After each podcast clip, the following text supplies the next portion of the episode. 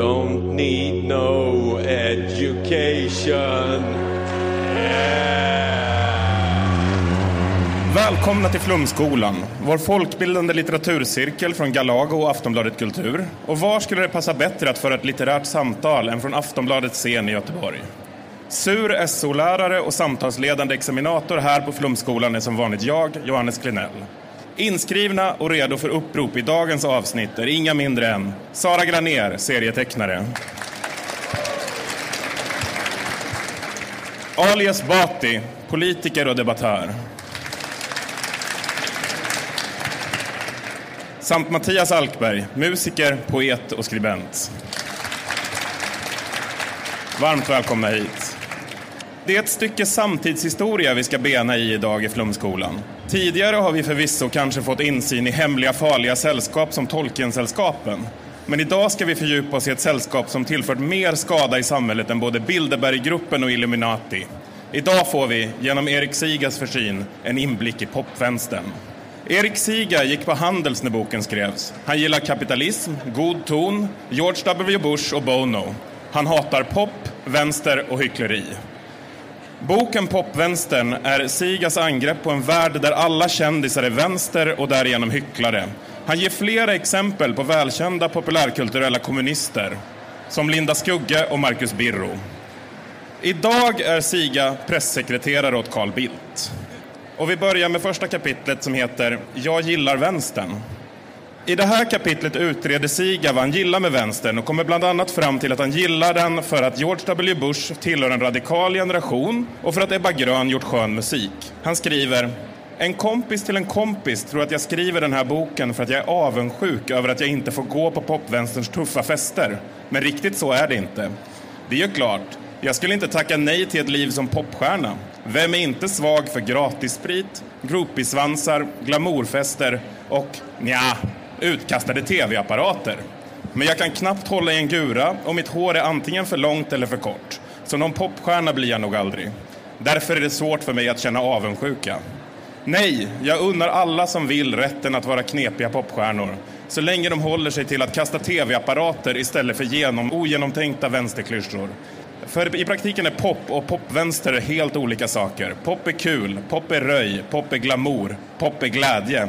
Vad skulle ni säga här? Säger alltså Siga här att vandalism är mer okej okay än en vänsterideologi? Vad säger du Ali? Ja, det är väldigt svårt att förstå det här, liksom nästan allt annat i boken. Det som man undrar framför allt är ju eh, hur såg boken ut så här direkt när det kom till förlaget? Eller kan det verkligen vara så att någon har jobbat med boken och den ändå ser ut så här? Och vad säger det i så fall om förlaget? Det är sådana tunga filosofiska frågor som dyker upp när man konfronteras med den här texten. Vad säger du Matti? Jag vet inte vad jag ska säga om det, men han, om boken såg ut sådär. Nej, det tror jag inte, för han verkar ju knappt vara skrivkunnig, så jag tror att någon har hjälpt honom mycket med stavning och upplägg och sånt. Om han är sekreterare nu så kanske han är bra på att koka kaffe och sånt. Det blir väl bra. Men känner ni att Siga är avundsjuk på det han kallar popvänstern? Vad säger du Sara? Ja, men ändå, alltså ändå lite. Och det tänker jag att man ändå kan förstå att man är det. Det verkar som att han är frustrerad över att Eh, ja, men så här, han kanske själv eh, gillar eh, eh, musik och eh, film och kultur och så konfronteras man då hela tiden med den här grejen att folk är, eh, uttrycker socialistiska åsikter och sådär. Men då tycker jag att det hade varit bättre av honom som en lösning på det problemet att han kanske hade skrivit en bok om hur ska vi som är liberaler kunna ändå ha ett punkband? Kan vi eh, snälla träffas eh, på ABF och repa liksom? Eller att han kanske kunde reda ut lite mer så varför, eh, ja, vad det är som saknas honom i ja, hans egna led. Vad säger du Mattias? Är han avundsjuk på popvänstern? Ja, det verkar han vara. Han verkar vara en sån där som inte passar in riktigt någonstans och sen sur på alla för det. Kan inte, han verkar ha lite svårt med empatin och sånt. Han inte kan riktigt förstå att det kanske är han som är lite av i ett sammanhang snarare än exakt alla andra. Vi går rast vidare till kapitlet Egoism med gott samvete.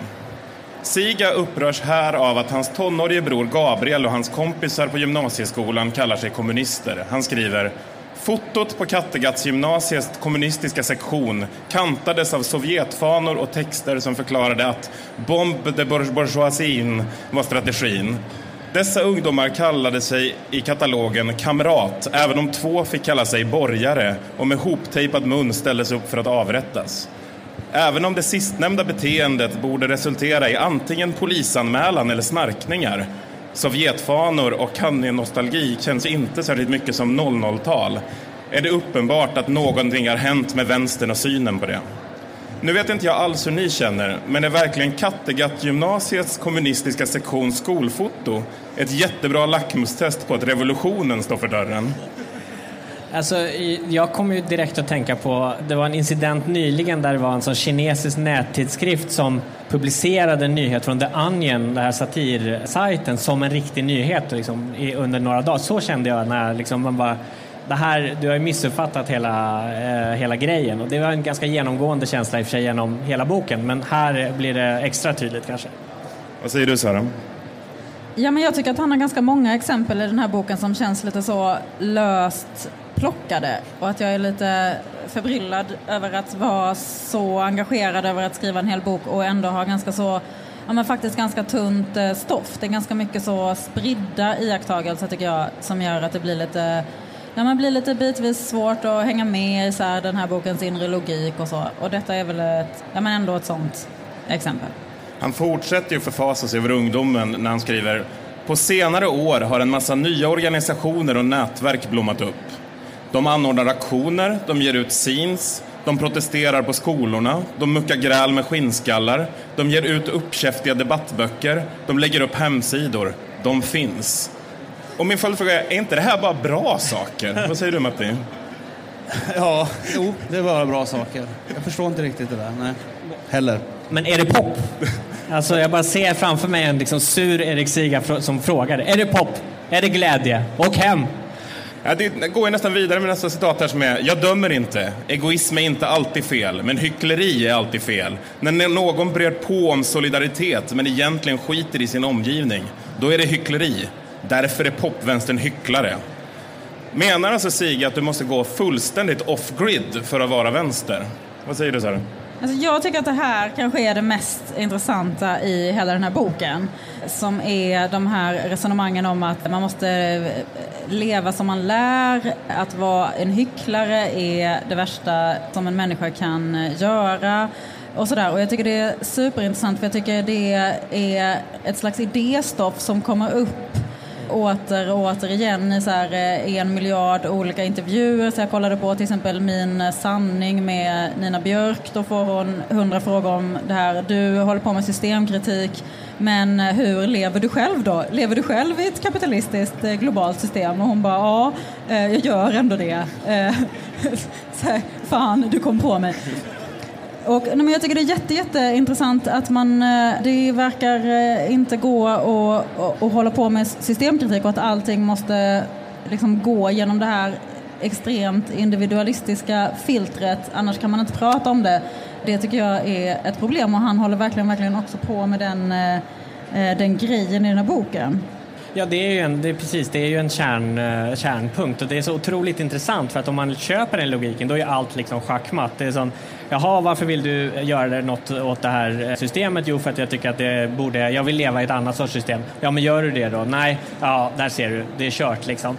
Och det där kan man ju liksom bryta ner i alla nivåer sådär. Vill du ha ett heltäckande socialförsäkringssystem? Jaha, bygg ett för dig själv då. Är det liksom någon som står och säger så här, vi borde bygga en bro här. Så bara, ja men simma då, eller alltså, vad, vad, är, eh, om man accepterar den logiken då blir varje sorts systemkritik eh, omöjlig därför att själva poängen med systemkritik är ju att man vill ändra systemet och inte låtsas som att den inte finns. Och, och där, eh, det, men det återkommer ju, det där är ju, han är ju inte varken först eller sist med det där och det är väl det som är mysteriet att man kan fortsatt uh, höra folk som tar det på allvar. Kanske inte när han skriver det, det blir liksom lite jobbigt bara. Vi hoppar på kapitlet Det är enklare att vara vänster.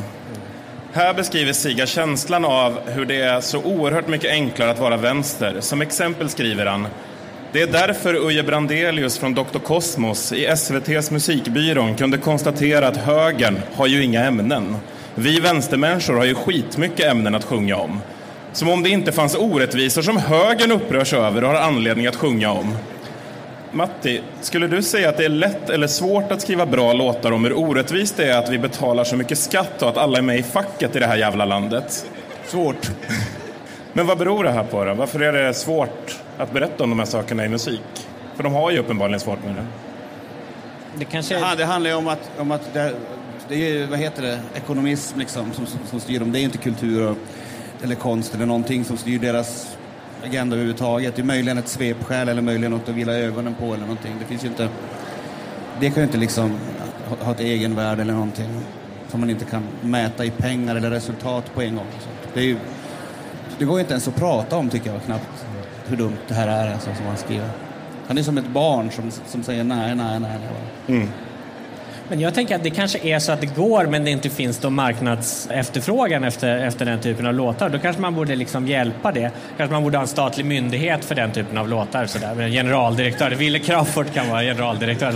För att kunna hjälpa liksom högen för att ja, utjämna möjligheterna. De får också skriva ja, de poplåtar om jobbskatteavdraget eller sådär. Så då kan man göra många, ett första, andra, tredje. Alltså, ja. Men tror ni han blev nöjd när låten Sverige jobbar kom?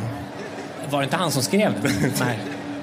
Vi går vidare till kapitlet Kvasifilosofer och wannabes. Siga utreder här fenomenet Bono när han skriver om sin kärlek till denne.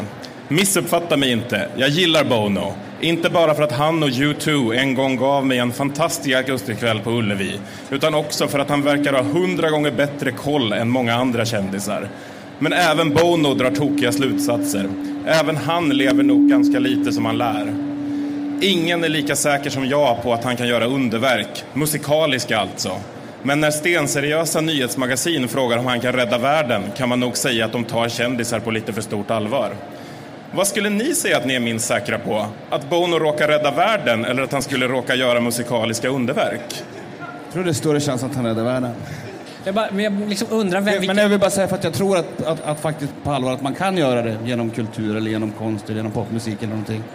På exakt det, det sättet som han tror jag efterlyser också, att man kan nå en, en individ och sådana saker. Så att jag tror han, han är helt ute och cyklar där. Däremot så tror jag inte att Bono kommer att göra det för att han är en sopa. Men jag bara undrar, vilka är de här människorna som liksom följer Bono väldigt slaviskt, rent politiskt? Alltså, är det så att det finns någon sån liten trotskistisk gruppering som har Bono som ideologisk ledstjärna eller så? Snarare en sossefalang, va? Ja, kanske det. Jag vet inte. Jag såg att han blev jagad av några arga anarkister för några år sedan.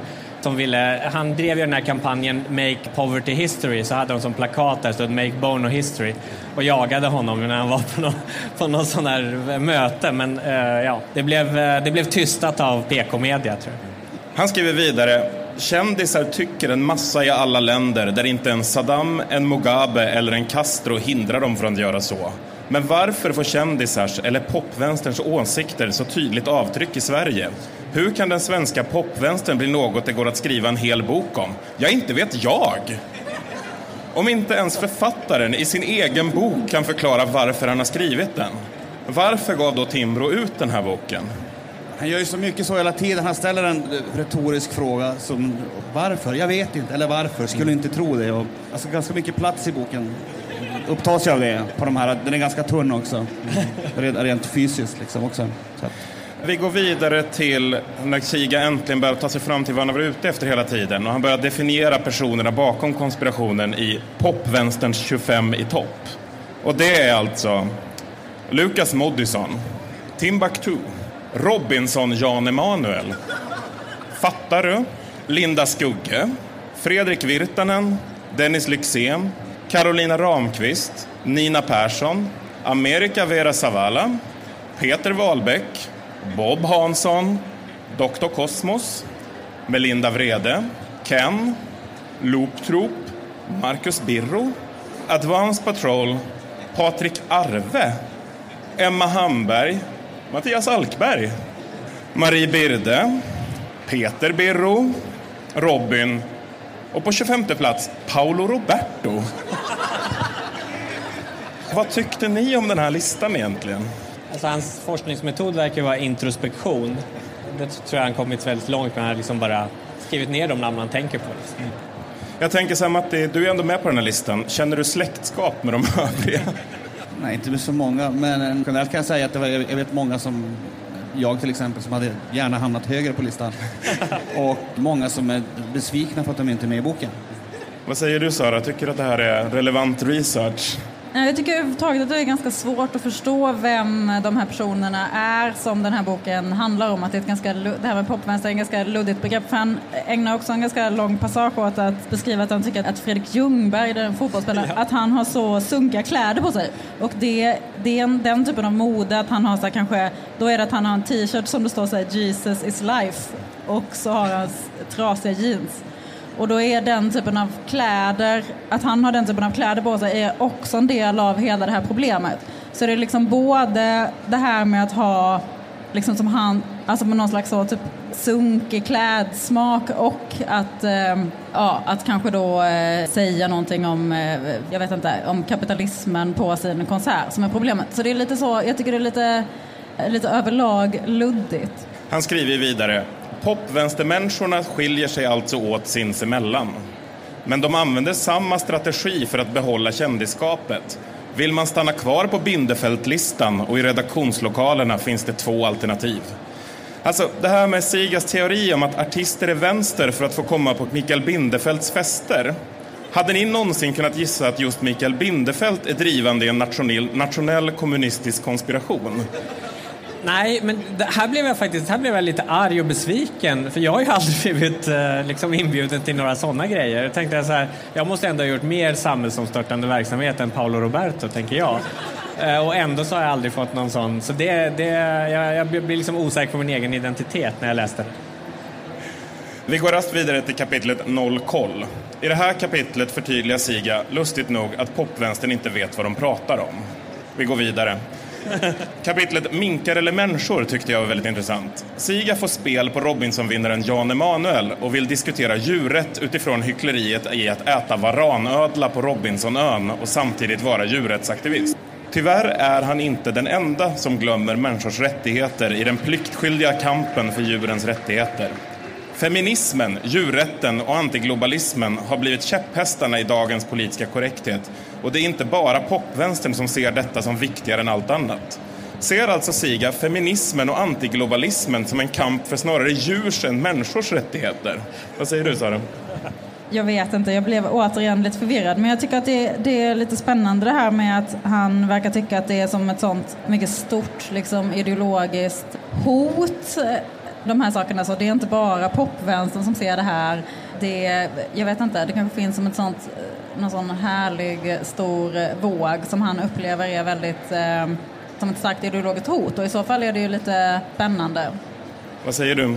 Det känns ju som, ett större, alltså som, en, som en större fara att den statliga televisionen skickar iväg en massa fyllon till en ö än att de äter ödlor där tycker jag.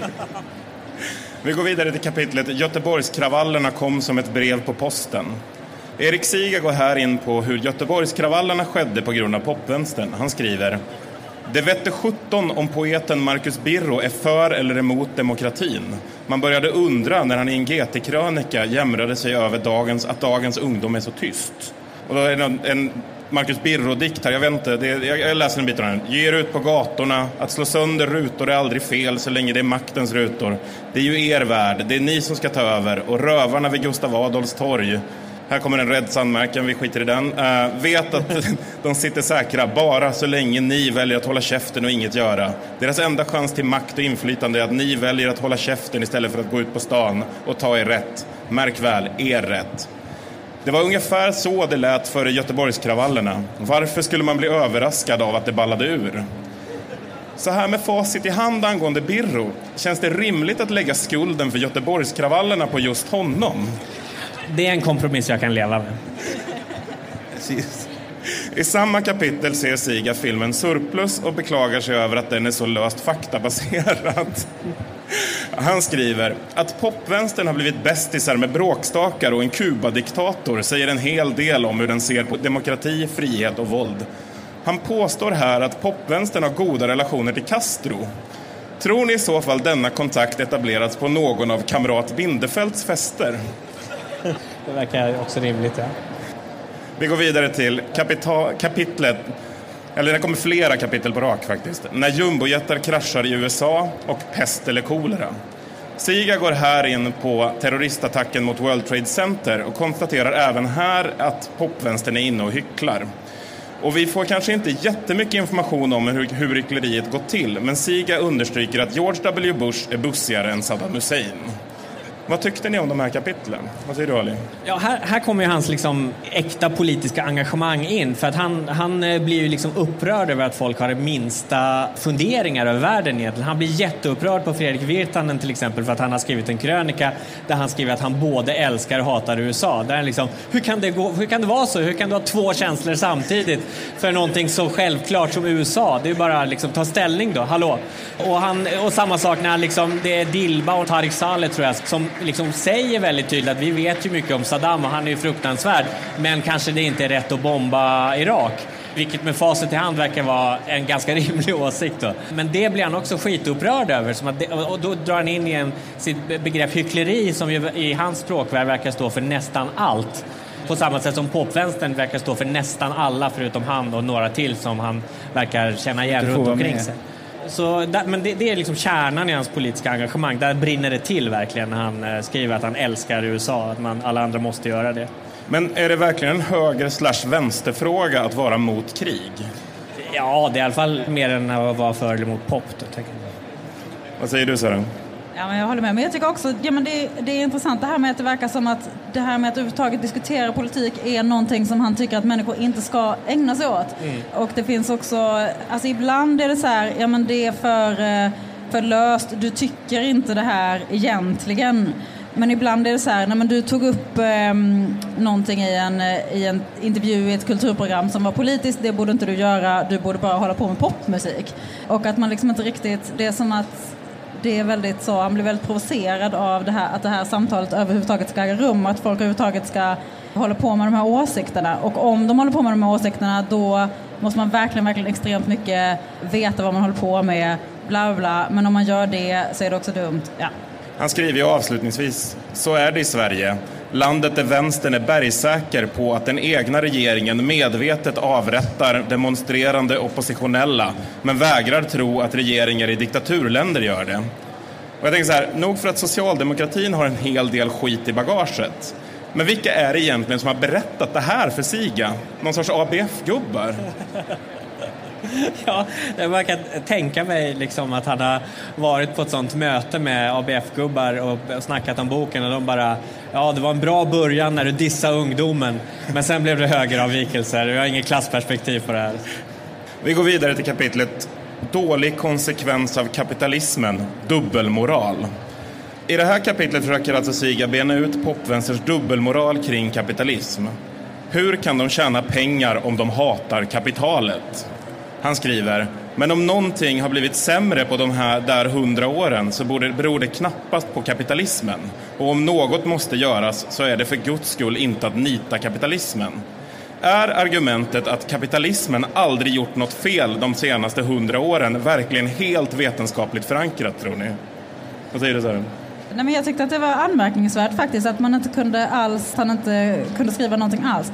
Det här är ju också en extremt sporadisk spaning, precis som han håller på med. Men en gång var jag på ett föredrag, kommer jag ihåg, och då var det en kommunist och en liberal som skulle svara på frågan Vad tycker du är det sämsta med ditt, eh, ekonomiska system, ditt favoritekonomiska system? Och då kanske den här kommunisten var så här, ja men jag fattar att det är lite jobbigt med planekonomi, det är svårt att räkna ut, det är lite krångligt, det tar lång tid, hur ska man göra? Sådär. Och eh, han som var liberal sa nej, jag kan inte komma på en enda sak som är dålig med mitt favoritekonomiska system. Och det tycker jag känns lite så, oh, jag tycker det är lite så, andas lite så dålig trovärdighet. Att inte kunna, alltså det är lite den här, så här på en anställningsintervju, man bara, det är ing, jag är perfektionist. Alltså så. Det, det är ändå konstigt tycker jag att man inte kan se någonting alls. Och så här, eh, tillväxt och miljöproblem, bla bla överhuvudtaget. Alltså jag tycker ändå det, är, det fascinerar ändå mig lite. Um, att det är så... Eh, ja, jag tycker det är spännande. Han fortsätter kring hyckleriet där och skriver Jag älskar pengar, för med dem kan jag iscensätta min fantasi, erkänner till exempel Peter Wahlbeck. Han har förstås helt rätt. Tråkigt bara att han trots denna insikt samma månad håller tal utanför Börshuset i Stockholm vid en demonstration mot den så kallade marknaden. Varför kan han inte bjuda på även andra på möjligheten att tjäna lite pengar? Hur ogint tycker ni egentligen det är av Peter Wahlbeck att inte unna en stackars knegare på börsen att tjäna ihop till brödfödan? Ja, men igen tänker jag också sådär, men vem är det som Peter Wahlbeck egentligen representerar? Han blir ju citerad i boken när han säger helt eh, konstiga grejer och säger så här, nu, säger jag, nu ska jag säga en konstig grej, citat Peter Wahlbeck. Och ändå så ska han liksom representera någon slags ideologisk eh, renlärighet. Det är, liksom, det, det är återkommande i det här att, att han slänger in folk som helt uppenbart inte har någon stringens och, och säger så här, aha, de har ingen stringens, därför gäller detta alla andra också. Det, det är liksom hans eh, metod då kan man säga. Vad säger du Matti? Jag har inget att säga om det alls. Det är så jävla idiotiskt. Vi går vidare till kapitlen. Här summerar vi ganska snabbt, för det är väldigt korta kapitler som är ganska pointless. Men kapitlen heter Företag är inte alltid dåliga. Dags att tvångsbeskatta. Hon älskar inte att äga. Och det sista kapitlet Vi älskar att äga. Det här är ett kapitel där Siga för första gången har gjort riktig research i boken skulle jag påstå och likt en inverterad Karl-Bertil Jonsson gluttat i taxeringskalendern för att se vad ett antal artister som Robin, Patrik Arve och Lukas Moodysson tjänar. Kan ni känna att Siga egentligen belägger något alls med att skriva ut årsinkomster på ett antal individer som någon gång kritiserat ett ekonomiskt system? Säger du Sören? Eh, nej, men det är det här som är så himla himla konstigt. För att han hade ju haft ett case i den här boken om det hade varit ett, ett stort fenomen att folk gick omkring och sa att de var socialister och sen ägnade hela sin fritid åt att nedmontera välfärdssystemet.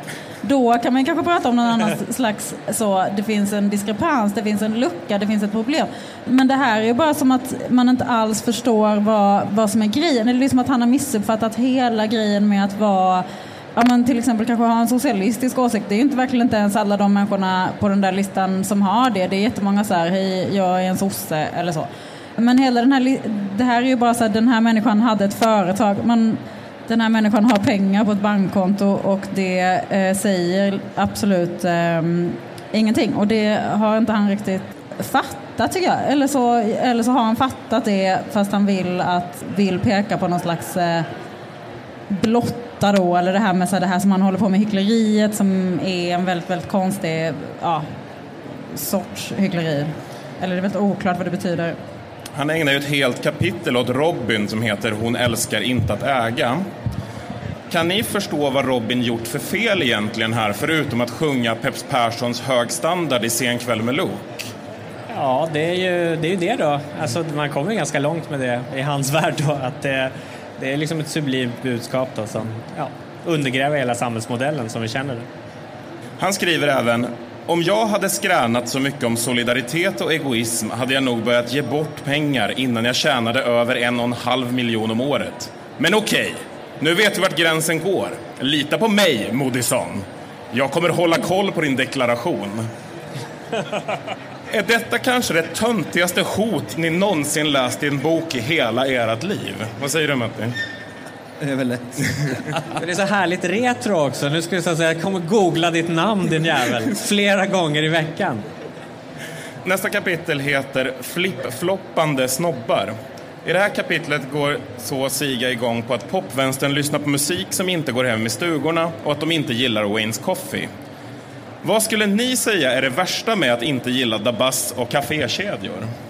Här tycker jag också det är en sån politisk kärnpunkt i det han säger. För att han är lite så här tidigt ute och försöker etablera det som Kristdemokraterna senare försökte göra med verklighetens folk och sådär. Alltså dra gränser som högerpopulister runt om i hela Europa egentligen ibland har lyckats väldigt väl med att försöka säga att nej, men, konflikten går inte mellan de som har mycket pengar och inte utan det går mellan de som är så snobbiga på kulturellt plan och, och, och vi vanligt folk som gillar eh, Dabas då. Bara det att den taktiken funkar ju så jävla dåligt i det här. För att alla är ju popvänster enligt den här definitionen. Liksom Ken Ring är en del av kultureliten. Eh, det, det håller ju inte som, som ett slags liksom verktyg för att dra politiska linjer. Han framstår som en sån absurd blandning här mellan, mellan det sämsta av liksom Richard Nixon, han i, i Seinfeld, vad heter han, George Costanza och Snurre Sprätt. Liksom. Det, är sån, det, det, är inte en verksam politisk figur för. Jag tror Timbro var lite missnöjda med den här boken skulle jag gissa. Det är väl, alltså så här, det här var inte en av deras liksom finest moments, tror jag. Han fortsätter med att skriva här. Jag kan inte hjälpa det, men jag mår dåligt när jag hör Lukas Moodysson på sin lundensiska dialekt förklara för oss där hemma i soffan hur vi ska leva våra liv. Nu vill den nya överheten tvinga på oss i pöbeln sina värderingar. Det ger dåliga vibbar från andra tider. Man undrar vad Moodysson egentligen har för mål. Vart vill han och hans ofrihetspolare komma med sitt snack? Hur mycket vill han bygga om i våra hjärnor?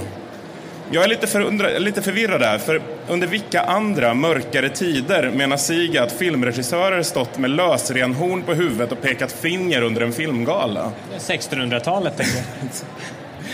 Och min följdfråga på det här är, om du nu inte tycker att det är rätt att citat, bygga om i andras hjärnor, varför då skriva en hel bok om dina egna åsikter? Vad säger du sen? Ja, och det är också lite bisarrt i det här fallet med Lukas Moodysson. För är det inte att Lukas Moodyssons senaste film här är Lilja Forever? Mm. Och är det då, vad är det liksom för obehagliga typ, åsikter man vill bygga in i någons hjärna genom att synliggöra så här, exploatering av, eh, av så här, kvinnor och barn? I, eh, jag fattar inte eller det är konstigt tycker jag. Jo, men han förtydligar ju faktiskt där att, att det är inte kapitalismens fel, det som händer i Lilja Forever. Det är kommunismens fel som skapade den fattigdom som fanns när kapitalismen gick in och tog över. Så han har ju någon sorts obegriplig poäng där. Jag tar, jag tar tillbaka min... Men är det verkligen en poäng om man har helt fel? Nej, det är det som är problemet här. Det är en liten mindfucker. Sen kommer ett kapitel som heter Självutnämnda radikalers festbekännelser. I det här kapitlet skriver Siga om den dubbelmoral han mötts av när han träffat vänstern på riktigt. Ett av hans huvudexempel jag fastnat för är detta. Sommaren 2002 skrev jag en artikel i Svenska Dagbladet om att en ung forskare om en ung forskare.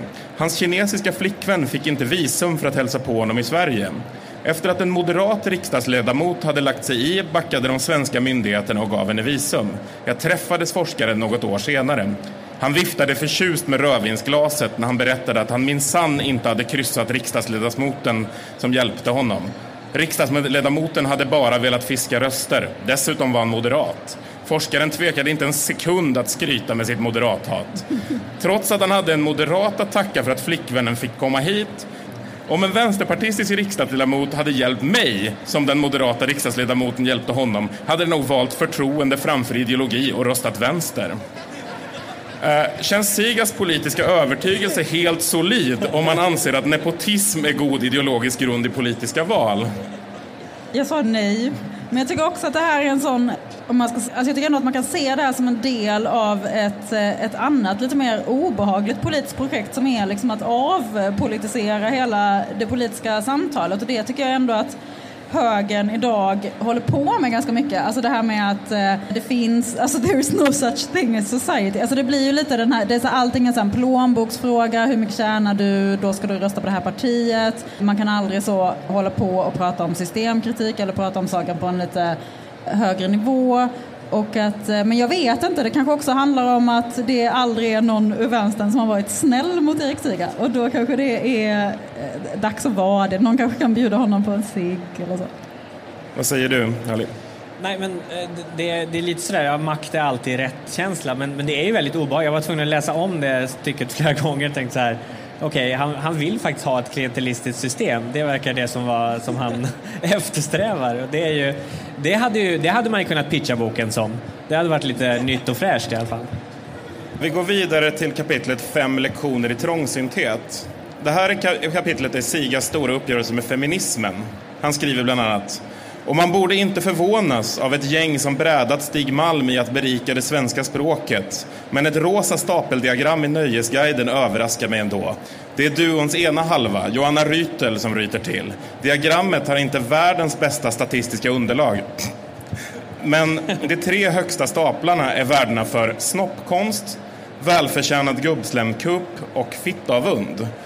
Vad är det som har uppmätt dessa rekordvärden? Jo, det är Galleri Björkholmen, för han ställer ut en kvinnlig konstnär och tolv manliga varje år. Jaha, moget. Krav om könskvotering på privata konstgallerier. Har inte dagens jämställdhetssträvande kommit längre än så? Vad hände med konstens frihet? Hur omoget skulle ni säga att det är att vilja eftersträva, eftersträva ett jämställt samhälle? Vad säger du, Martin? Det går inte att säga, han är ju störd. Han är ju, de borde ju ta hand om honom alltså, och ja, men som Sara var inne på, bjuda honom på någonting kanske. Lägga honom ner med något kallt på pannan eller någonting. Ja, jag kan inte. Men han blir liksom provocerad av allt som... Alltså det, det, det, samtidigt som man vill kanske man får den känslan så, så får man en känsla av att han är liksom så van vid en privilegierad situation att i varje, varje, varje liten del av, av världen och samhället där det ens blir ifrågasatt så bara reagerar han och så ska han liksom göra det på ett sätt som han tror är liksom i ett, i ett uh, subversivt språkbruk. Men då blir det liksom som någon slags lite gammal adjunkt som ska liksom hiphoppa budskapet för eleverna för att de ska liksom hänga med bättre. Det blir ju faktiskt väldigt, väldigt pinsamt. Men Matti, ingår det verkligen i konstens frihet att den aldrig får ifrågasättas? På, ja, på, på sätt och vis kanske. Men det är, liksom, det är ytterligare en diskussion som kanske inte är med men nej, det gör det inte kan jag väl säga. Siga skriver fortsättningsvis angående en punkkonsert på Smålands nation att när frigjordheten svallade så mycket att några tjejer började dansa med bara bröst kunde bandet inte låta bli att dra, dra, dra ett dåligt skämt. En ursäkt hjälpte inte. Någon sekund senare tvingades det chockade bandet avbryta spelningen. Gitarristen hade skadats av splitter från en kastad flaska. På det stället gäller det, inte, gäller det att inte bryta mot kommissariets regler. Är det inte intressant att när Siga för första gången ställer sig på en musikers sida i den här boken så är det för att försvara ett sexistiskt skämt? Vad säger du Sara? Men det känns ju också, det, styrker, det här exemplet styrker också lite mm, det här som vi pratade om innan, att det känns som att hans research är så himla eh, baserad på att han, en kompis till honom har berättat en historia och då tycker han att då ska han använda det och så har han träffat någon på en fest och så eh, ska han klumpa ihop den människan med en annan människa och sådär. Med Robinson Emanuel till exempel. Ja. Vi går vidare till kapitlet Att handskas med vapen. I det här kapitlet vill Siga prata god ton och om ordet som vapen. Han gör det genom att beskriva sin syn på olika kvällspresskrönikörer. Att Siga har vissa problem med att skilja fantasi från verklighet får ett tydligt exempel i texten Carolina Ramqvist skulle gilla att se mig få skallen avskjuten. Det är inget personligt eller så, men man råkar ju vara man. Och är du man som får skallen avskjuten så är det tydligen upplyftande. Så måste man tolka det hon skrev i filmrecension i DN hon har sett filmen Baisse-moi där den kvinnliga huvudpersonerna enligt Ramqvist inte bara tänker man borde skjuta skallen av honom, utan verkligen gör det. Det är fantastiskt att se, det är upplyftande och skönt. För alla män är tydligen våldtäktsmän och då är det förstås skönt att se dem få skallarna avskjutna. Är det inte lite väl höga växlar att dra att se en filmrecension som ett personligt mordhot? Ja, han, han uppfattar ju, som jag var inne på tidigare, han uppfattar ju allt där någon skriver någonting som han, han tycker är liksom, går emot det som är god ton då, som, ett, eh, som en personlig kränkning av, av honom och hans position här i världen. Men ja, det är en väldigt bra film för övrigt. Han skriver sedan, man får vara glad att man slipper en tredje dödsdom. Den vänder sig nämligen bara till medlemmarna i landets smörigaste finansfamilj. När jag hör att Wallenberg tycker att a-kassan borde slopas så vill jag skjuta den jäveln. Så förklarar Mattias Alkberg, sångare i popgruppen Bear Quartet, enligt Socialist.nu följande textrad. When you can't afford to live, why shouldn't they be dead? Siga fortsätter efter en passage om att han fattar att det inte är på allvar med att säga hur ska man veta säkert att popvänstersnubbarna inte menar allvar med att döda moderater, skjuta Wallenbergare och spetsa brats på pålar? Är de några ironikungar? Ja, Mattias, hur ska man kunna veta det? Ja, man får lita på den säger det. Eller det han säger det faktiskt. Jag har, jag har inte skjutit någon. Hur kände ni inför den här passagen? Vad säger du? När han börjar lista. Det är, du är med rätt mycket här. Ja, alldeles för lite tycker jag fortfarande. Men... ja, men det går att säga någonting. Om han, han tar det lite bokstavligt tycker jag man kan säga. Saker och ting. Men han verkar inte ha förmågan av, som någon var inne på, att han inte kan uppfatta till exempel två känslor samtidigt. Att det är omöjligt att ha det, tycker han. Så att det blir inte att vänta sig något annat. Men du tycker ni att man ska förhålla sig till det här med liksom ordet som vapen överhuvudtaget? För att han går ju in ganska hårt på det om, om att han i princip likställer den här sortens uttalande med fysiskt våld. Hur tyckte ni om det? Men han, det här som citatet som du läste upp innan också eh, med det här med eh, den här personen som eh, deras flickvän hade fått komma eh, på någon slags besök, bla bla. Då sa han ju också att den här personen tvekar inte en sekund att uttrycka sitt moderat hat.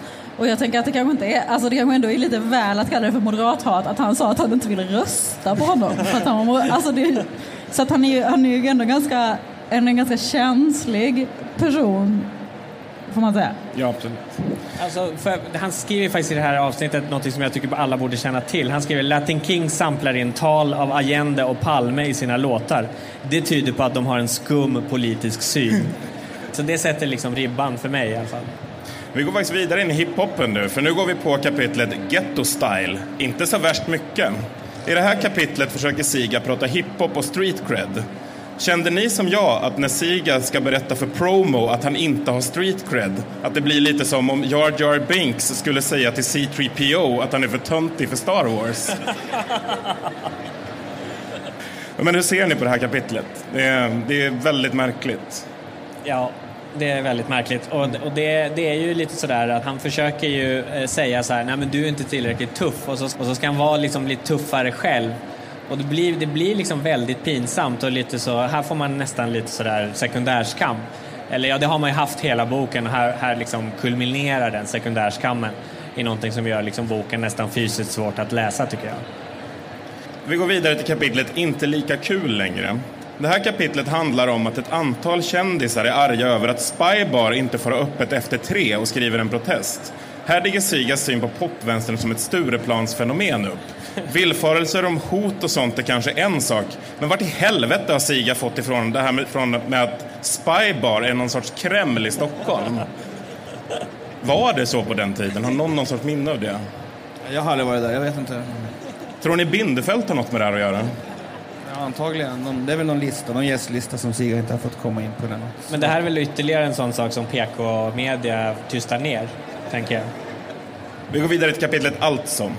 I det här avslutande kapitlet försöker Siga sammanfatta sin bok en smula. Han skriver Popvänstern består av populister.